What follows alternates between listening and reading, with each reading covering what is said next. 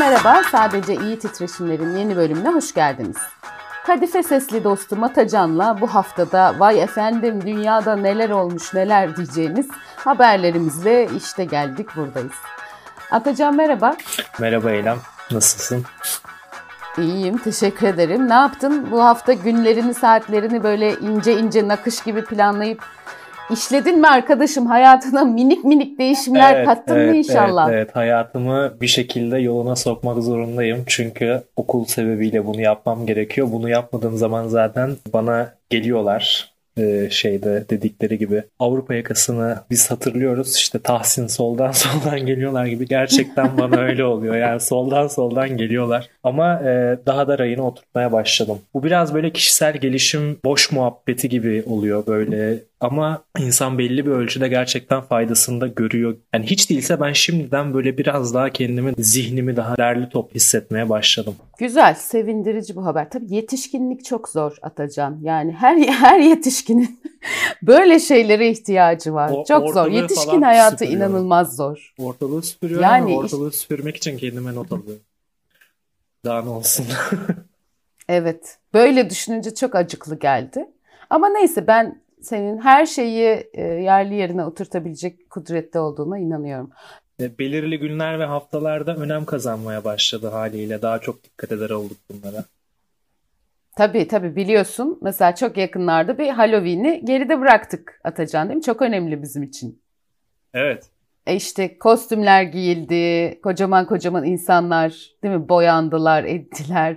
Siyah pelerinli, kırmızı boynuzlu oğlanlar böyle gecenin sonunda köşelerde soğanlı dürüm kemirdiler. Aynen öyle. Falan işte şaka mı şeker mi? Ee, tabak oyalım, bilmem ne yapalım. Değil mi? Evet. evet. Bağcılar'da şeytan kostümlü birini bıçakladılar mesela yani. Tam bir şenlik havası. Olması gerektiği Kesinlikle. gibi. Kesinlikle. Gönül istiyor ki pagan atalarımız gelse bu hasat şenliğini bağcılarda falan yapsa böyle bir dertten derde gark olsa da öyle görseler. Neyse biz dönelim bu kabak muhabbetine. Şimdi ABD'nin Kaliforniya eyaletinde en büyük kabağı kim yetiştirdi diye bir yarışma yapıyorlarmış 48 yıldır. Bu yıl yarışmayı kazanan çiftçi Jeff Uhlmeier tam 994 kiloluk bir bal kabağı yetiştirmiş. Ve diyor ki iyi bir dev bal kabağı yetiştirmek için iyi tohum, zengin toprak, sürekli sulama, ılıman sıcaklıklar, bol güneş ve bol zamana ihtiyacınız var. Bitki yetiştirme işi bence çok güzel. Yani tabii bir de bizim gibi şehirlerin şehirlilerin balkonda saksıda böyle iki tane salatalık filizi görünce sevinmesi. Aynen. Güzel ama işte tarım işleri böyle bir şey değil. Yani zengin toprak, iyi tohum, bol sulama dediğin şey o kadar kolay değil yani bu ABD'deki kabakçı arkadaş Kabakçı söylüyor kardeş, ama. Bu sözlere kulak ver.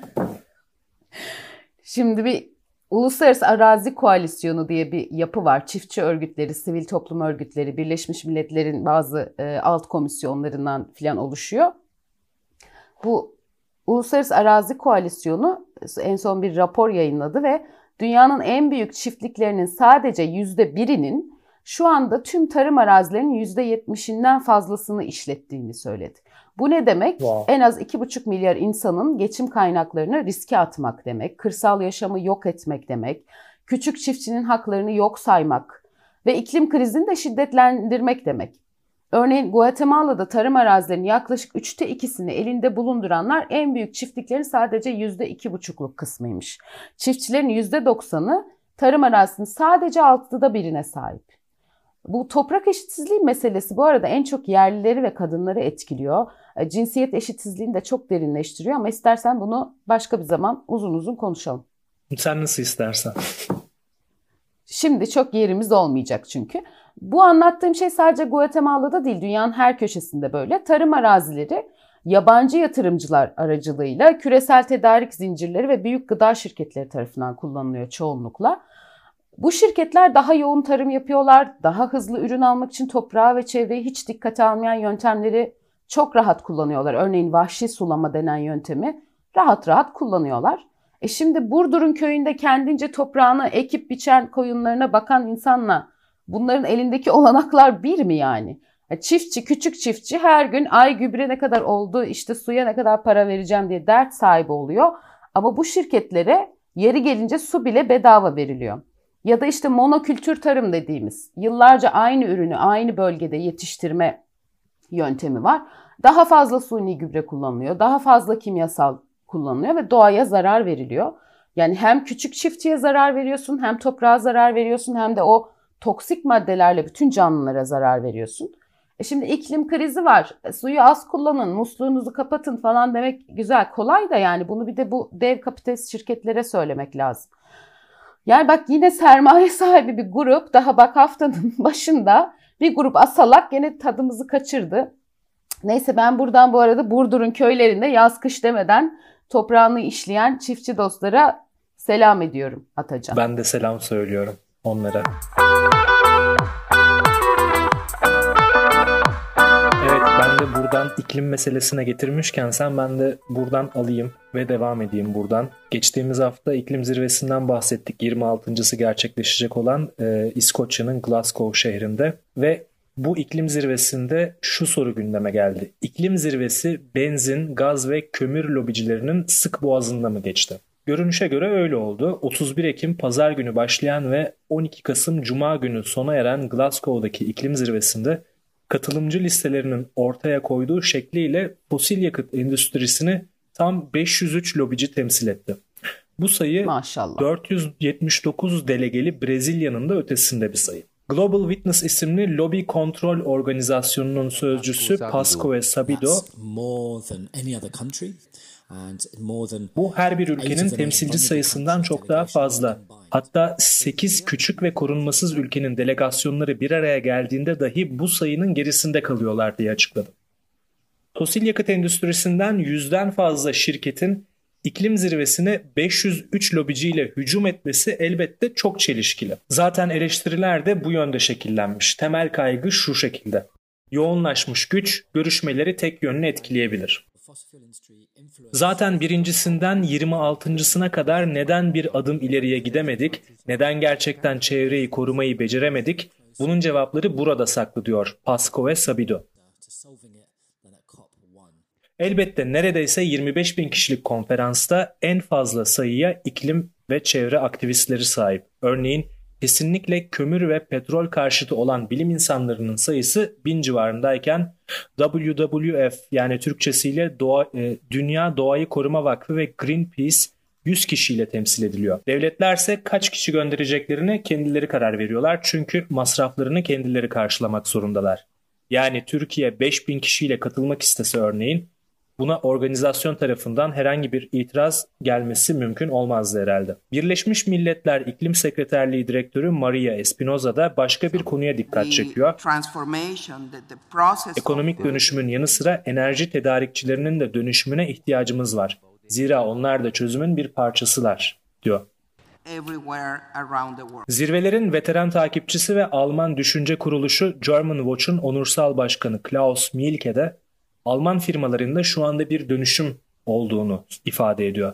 Paris Anlaşması'ndan bu yana fosil endüstrisinin etkisi eskisi kadar büyük değil diyor. Das alte will so lange seine Geschäftsmodelle durchziehen, wie es nur irgendwie Eskiler mevcut iş modellerini olabildiğince sürdürmek istiyorlar. Dolayısıyla şunun da farkındalar. Eski geleneksel fosil endüstrisi dönemi sona erdi. Diyeyim ben tekrar sana geri vereyim sözü. Teşekkürler Atacan bu haberden anladığım kadarıyla bu fosil endüstrisi, fosil yakıtlar ve enerji endüstrisinin sahipleri mi diyelim, söz sahipleri dünyanın yeni gidişatında da nasıl bir rol alacakları konusunda çok azılılar evet, mı evet. diyelim. Yani olabildiğince mevcut şeyi e, devam ettirmeye çalışıyorlar.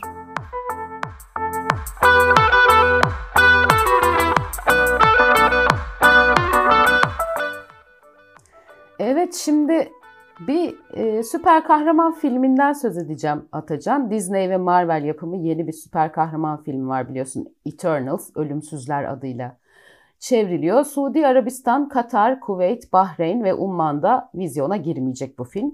Aslında 11 Kasım'da seyirciyle buluşması planlanıyordu ama sessiz sedasız vizyona girecek filmler listesinden çıkarıldı. Neden? Resmi bir açıklama yok. Nedeni konusunda resmi bir açıklama yapan yok. Ama haberler şu yönde filmin yasaklanma sebebinin eşcinsel karakterler ile ilgili olduğu söyleniyor.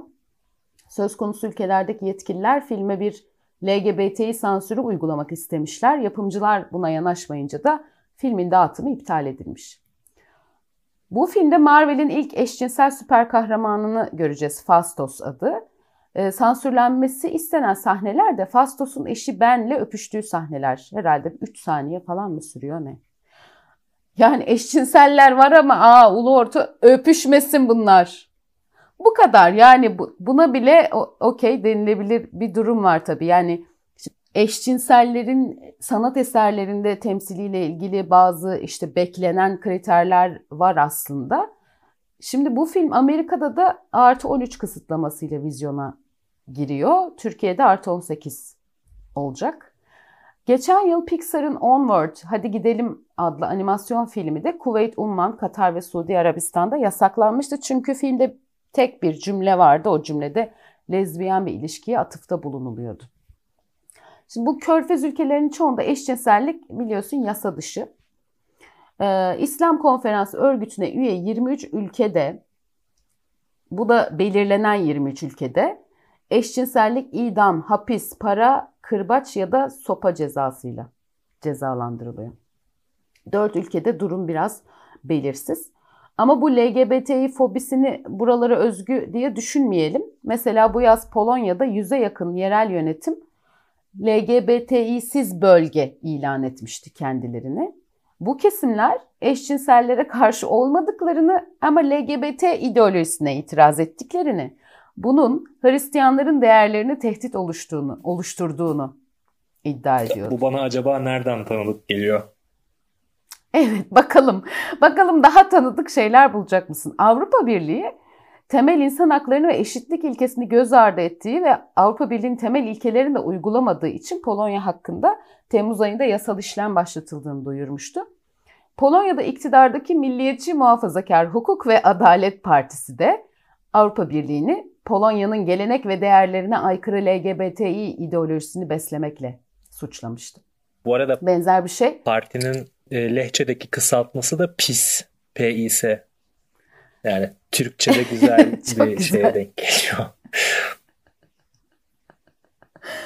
Benzer bir durum Macaristan'da da oldu. Haziran ayında bir torba yasa kabul edilmişti. Bu torba yasa işte çocukların sağlıklı ve güvenlik içinde yetiştirilmesini gerekçe göstererek pedofili suçuna verilecek cezaların ağırlaştırılmasını öngörmüştü. Ama aynı torba yasada LGBT hakları ile ilgili maddeler de var.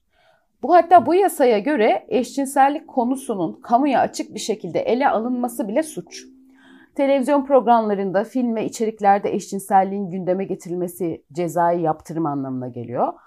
Ayrıca LGBT'leri destekleyen kurum ve kuruluşların reklam ve eğitim faaliyeti de yasak kapsamına giriyor.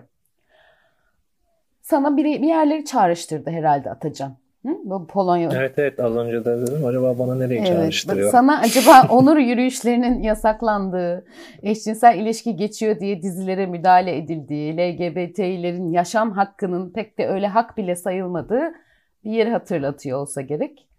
Ee, ilginç bir rapordan daha söz edeyim. Acaba neresi burası? Şimdi Kaos GL ee? Derneği Kadir Has Üniversitesi Toplumsal Cinsiyet ve Kadın Çalışmaları Araştırma Merkezi ile birlikte bir rapor hazırlıyor her sene. Türkiye'de kamu çalışanı LGBT artıların durumu, Türkiye'de özel sektör çalışanı LGBT artıların durumu. Bu raporlardaki 2021 verilerine göre kamu çalışanı LGBT artıların sadece %6'sı iş yerinde açık davranabiliyor. Özel sektörde bu oran %17. Tabii bu oranlar çalışmanın kendi örneklemi üzerinden çıkan oranlar. Kamu çalışanı LGBT artıların %82'si ya doğrudan ayrımcılıkla karşılaştığını ya da kimliğini gizlemek zorunda kalarak ayrımcılıkla karşılaştığını söylüyor.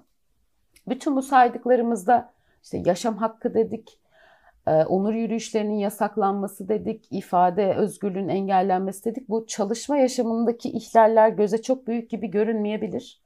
Ama yaşam hakkı ile birlikte eşit bir çalışma hakkını da öngörmek durumundayız diye düşünüyorum. O yüzden bu rapordaki verileri kıymetli buldum ve paylaşmak istedim.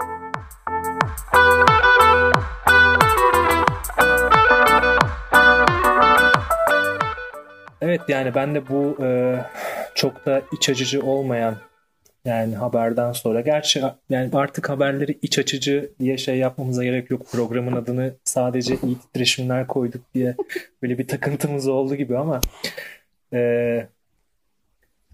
yani gene okuyanı, dinleyeni çok da memnun etmeyecek bir haberle devam edeyim. Kastım buydu. Teknoloji ve demokrasiyi ele alan bir bölüm var sırada. Bu iki kavramın yer yer kesiştiği, birbirini destekliyor gibi görünse de aslında ciddi kaygılara yol açtığı, dolayısıyla karşı karşıya geldiğini göreceğiz.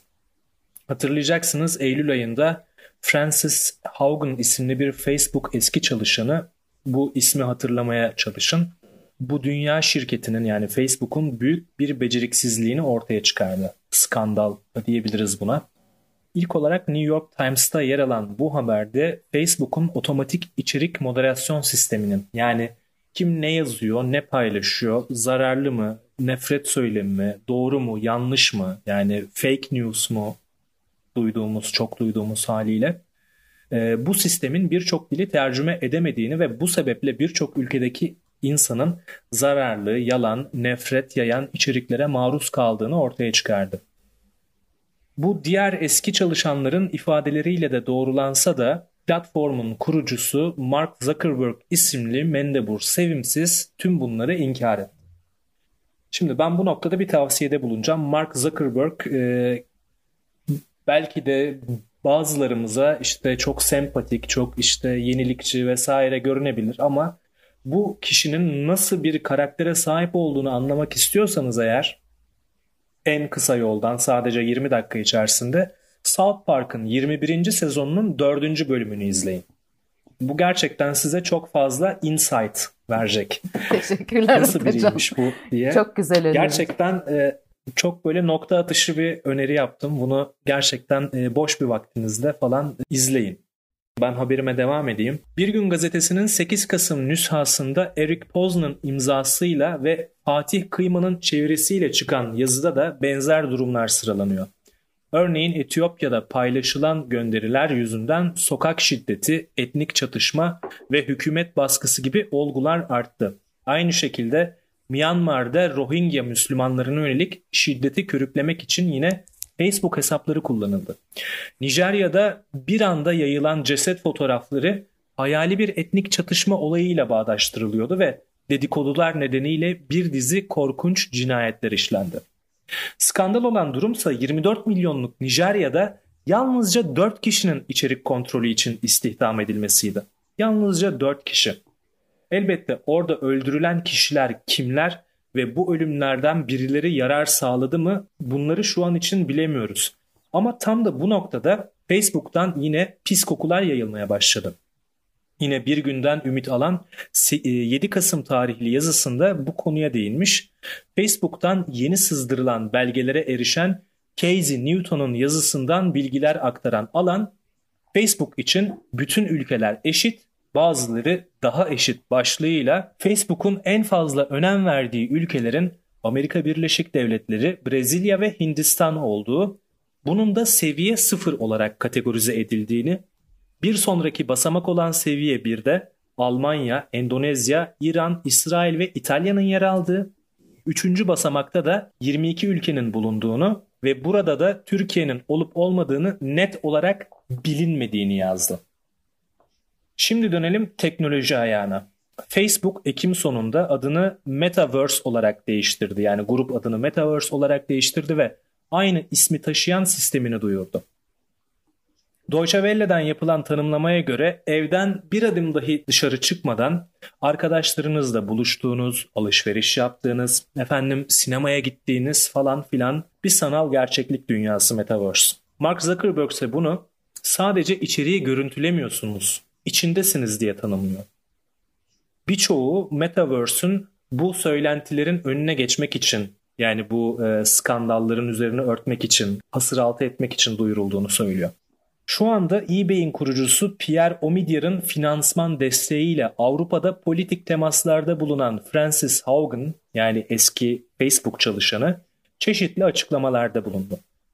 Ay başında İngiltere parlamentosunda sosyal medya düzenlemeleri üzerine çalışan komiteye görüş veren Haugen, Facebook algoritmalarının bölücü niteliğinden dolayı birçok ülkede şiddete dayalı ayaklanmaların körükleneceğini vurguladı. Myanmar ve Etiyopya gibi örneklerin yalnızca bir başlangıç olduğunu söyledi. 2 Kasım'da Alman haber ajansına açıklamalarda bulunan Haugen, Facebook'a güvenilemeyeceğinin birçok kez görüldüğünü ve kamuoyuna yapılan açıklamalarla şirketteki gelişmelerin örtüşmediğini belirtti. Haugen şirketin Metaverse teknolojisinden endişe duyduğunu söyleyerek Facebook'un daha fazla mikrofon ve sensörünün ev ve bürolarımıza girerek casusluk yapması fikri beni korkutuyor dedi. Son olarak Brüksel'de Avrupa Parlamentosu'nun çeşitli komitelerinin gerçekleştirdiği ortak oturumda konuşan Haugen, Facebook'ta ilk çalışmaya başladığımda bu kurumun bizi ileriye taşıyacağını düşünüyordum. Ama bugün eminim ki Facebook çocuklarımız için bir tehlike. Facebook'un yaptığı tek şey nifak tohumları ekmek ve demokrasimizi zayıflatmak ifadelerini kullanmış. Şimdi Facebook'a güvenilmeyeceği birçok kez görüldü. Üstelik bu Metaverse denilen şeyde bu ard arda gelen skandalların üstünü örtmek için yapılıyor gibi bir iddia var. Hatırlayacaksın Ekim ayı başında işte Facebook, Instagram ve WhatsApp'ta bunların hepsi aynı şirket tarafından e, sunulduğu için ciddi bir çöküntü yaşanmıştı küresel çapta. Uzun süreli bir erişim sorunu yaşandığında e, o zaman Twitter'da şöyle paylaşımlara rastladık. İşte Facebook çalışanları kartlarıyla şirket binasına dahi giriş yapamıyorlar. Ne olup bittiğini hiç kimse bilmiyor. Bu ciddi bir sorun aslında. Bu sadece basit bir ciddiyetsizlik vesaire sorunu değil. Bu milyarlarca insanın verilerinin toplandığı bir yerin aslında açık olmadığı, kendi çalışanlarına bile zaman zaman açık olmayabileceği anlamına geliyor. Dolayısıyla biz bu buralarda paylaşılan bilgi ve verilerin ne maksatla nasıl kullanılacağı konusunda bir bilgi sahibi olmasak bile herhalde şöyle bir akıl yürütebiliriz.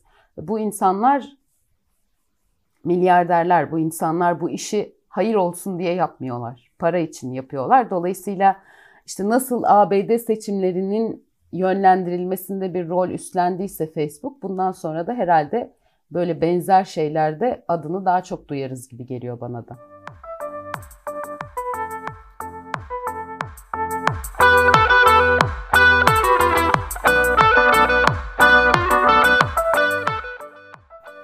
Evet ABD'den devam edeceğiz aslında. ABD'de bu sonbahar aylardır süren yükselen bir grev dalgasının en zirve noktasına yükseldiği bir dönem oluyor.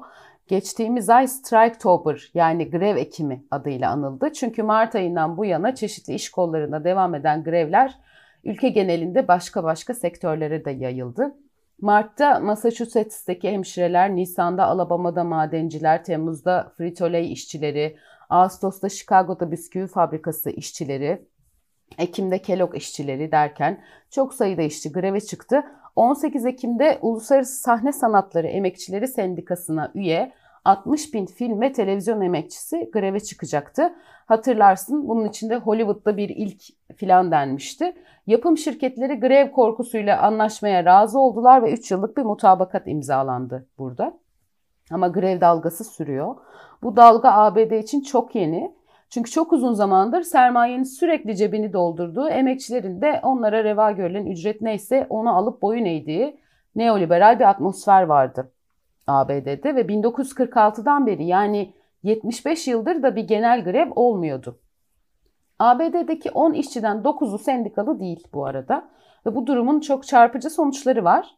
Tarım aletleri üreten ve şu an 10 binden fazla işçisi grevde olan John Deere şirketinin karı 2020 yılında bir önceki yıla göre %160 artmış.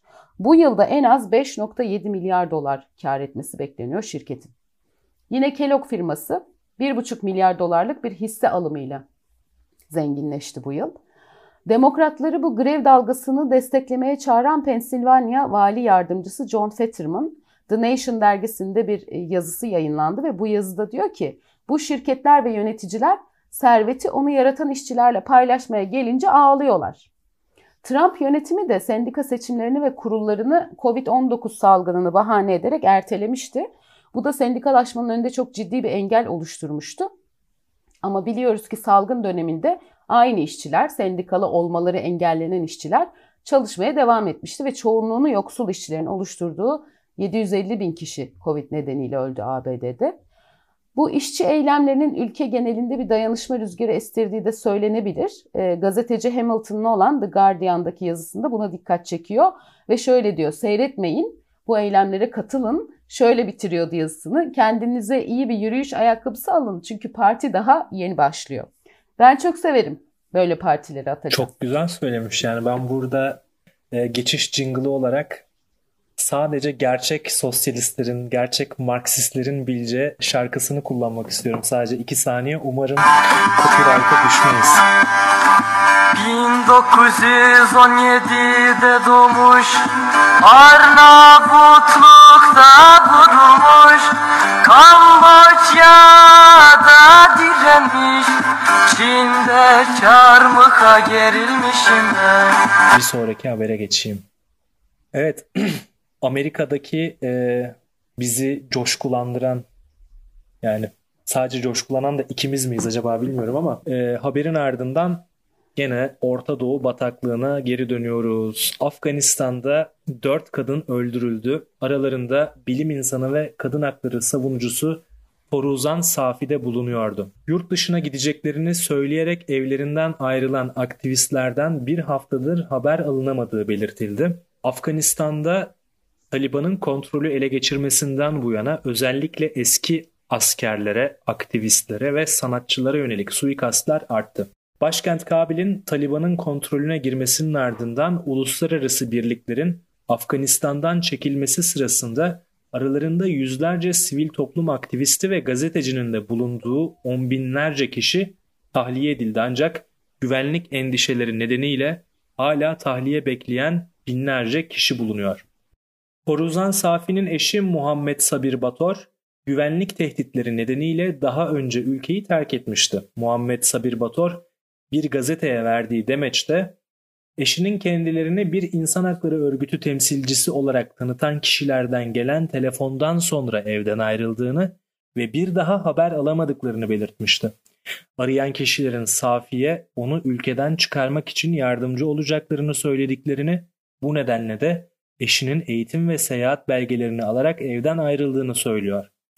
Taliban Ağustos ayından bu yana kadınların protestolarına müdahale etmişti ve bu protestoların haberlerini yapan gazetecileri de tutuklamakla tehdit etmişti.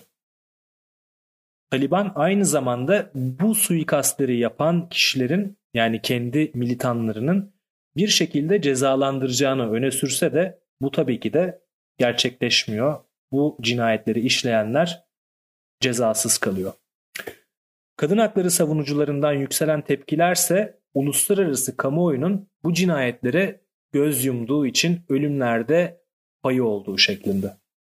Yani kadın hakları savunucuları özetle şunu söylüyor.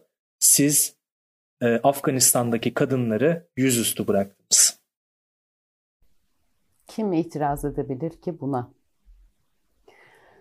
E, hayır diyebileceklerini sanmıyorum açıkçası. Evet bu bölümde de e, ne yaptık Atacan? Yine birbirinden nalet gelesici haberlerle sizi şişirdik, şişirdik değil mi? Kamyon lastiği gibi miydi? E biraz da iyi bir şeylerden söz edelim o zaman. Yani söz edelim bence. Evet. Dertli gönüllere ferahlık verecek bir haber geliyor şimdi.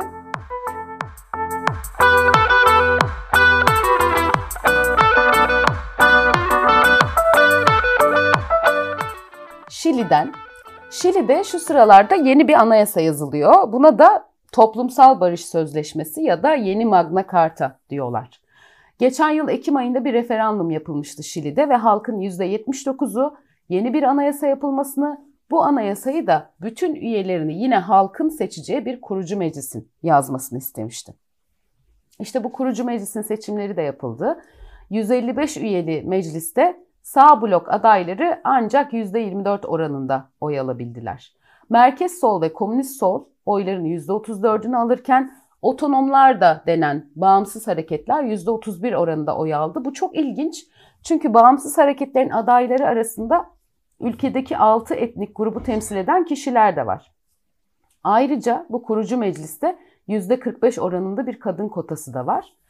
Ta diktatör Pinochet'den kalma 40 yıllık bir anayasası vardı Şili'nin ve bugün değişiyor bu anayasa. Kurucular Meclisi'ndeki temsilcilerin özellikle bağımsızların ve sol hareketlerin talepleri şöyle. Sağlık ve eğitimin herkes için ücretsiz olarak sağlanması, ana dilde eğitim verilmesi, yerli haklarının tanınması, e, anayasaya cinsel eşitlikçi maddelerin konması, Şili'de özelleştirilen suyun yeniden kamu malı haline getirilmesi gibi talepler söz konusu.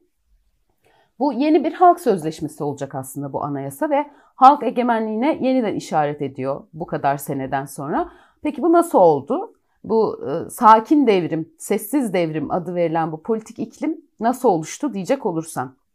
2019 yılındaki eylemleri hatırlatmak isterim sana. Özellikle öğrenci boykotlarıyla başlamıştı. O zamandan bu zamana yerliler, kadınlar, çevreciler, entelektüeller bir hedefte birleşmiş görünüyorlar kendi hareketleriyle. Nedir bu hedef?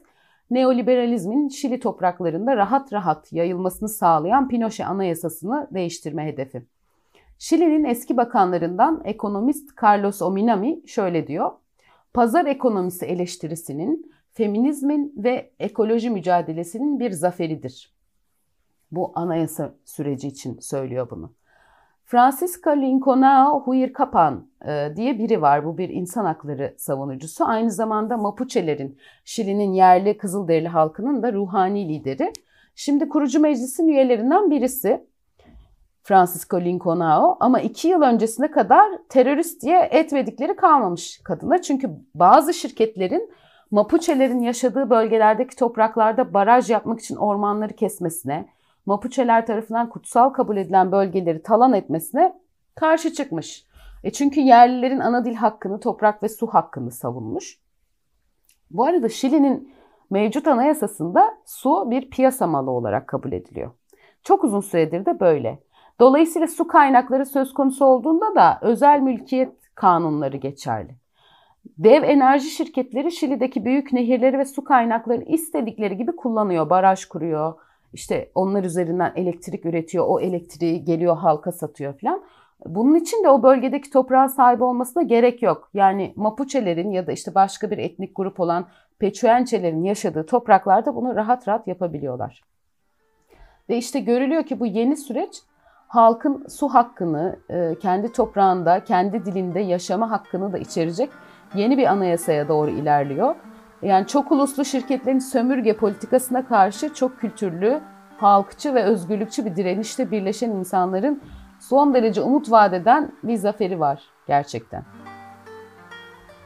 Herhalde kendi Kılıçdaroğullarını bulmuş onlar. şaka şaka.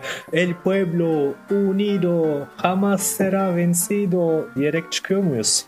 Çıkıyoruz ve bir son not eklemek isterim buraya. Bu haberi hazırlamamıza vesile olan bizi dürten, ilgisini bilgisini bu konuda hiç esirgemeyen hatta Fransızcadan tercümeleriyle e, pek çok bilgi de veren sevgili hocamız Nilgün Toker'e de teşekkür ediyorum. O kadar işin arasında bizi hiç pas geçmedi. Son evet, derece kendisi Fransız ekolünden yetiştiği için e, Fransız postmodern filoz- filozoflarının da dediği şekliyle e, merci beaucoup Nilgün hocam. Haftaya görüşmek üzere tüm dinleyiciler. Herkese teşekkür ederiz dinledikleri için. Hoşçakalın. Evet ve hadi şöyle bir pozitif vibe'ı yükseltelim atacağım. Anunciaja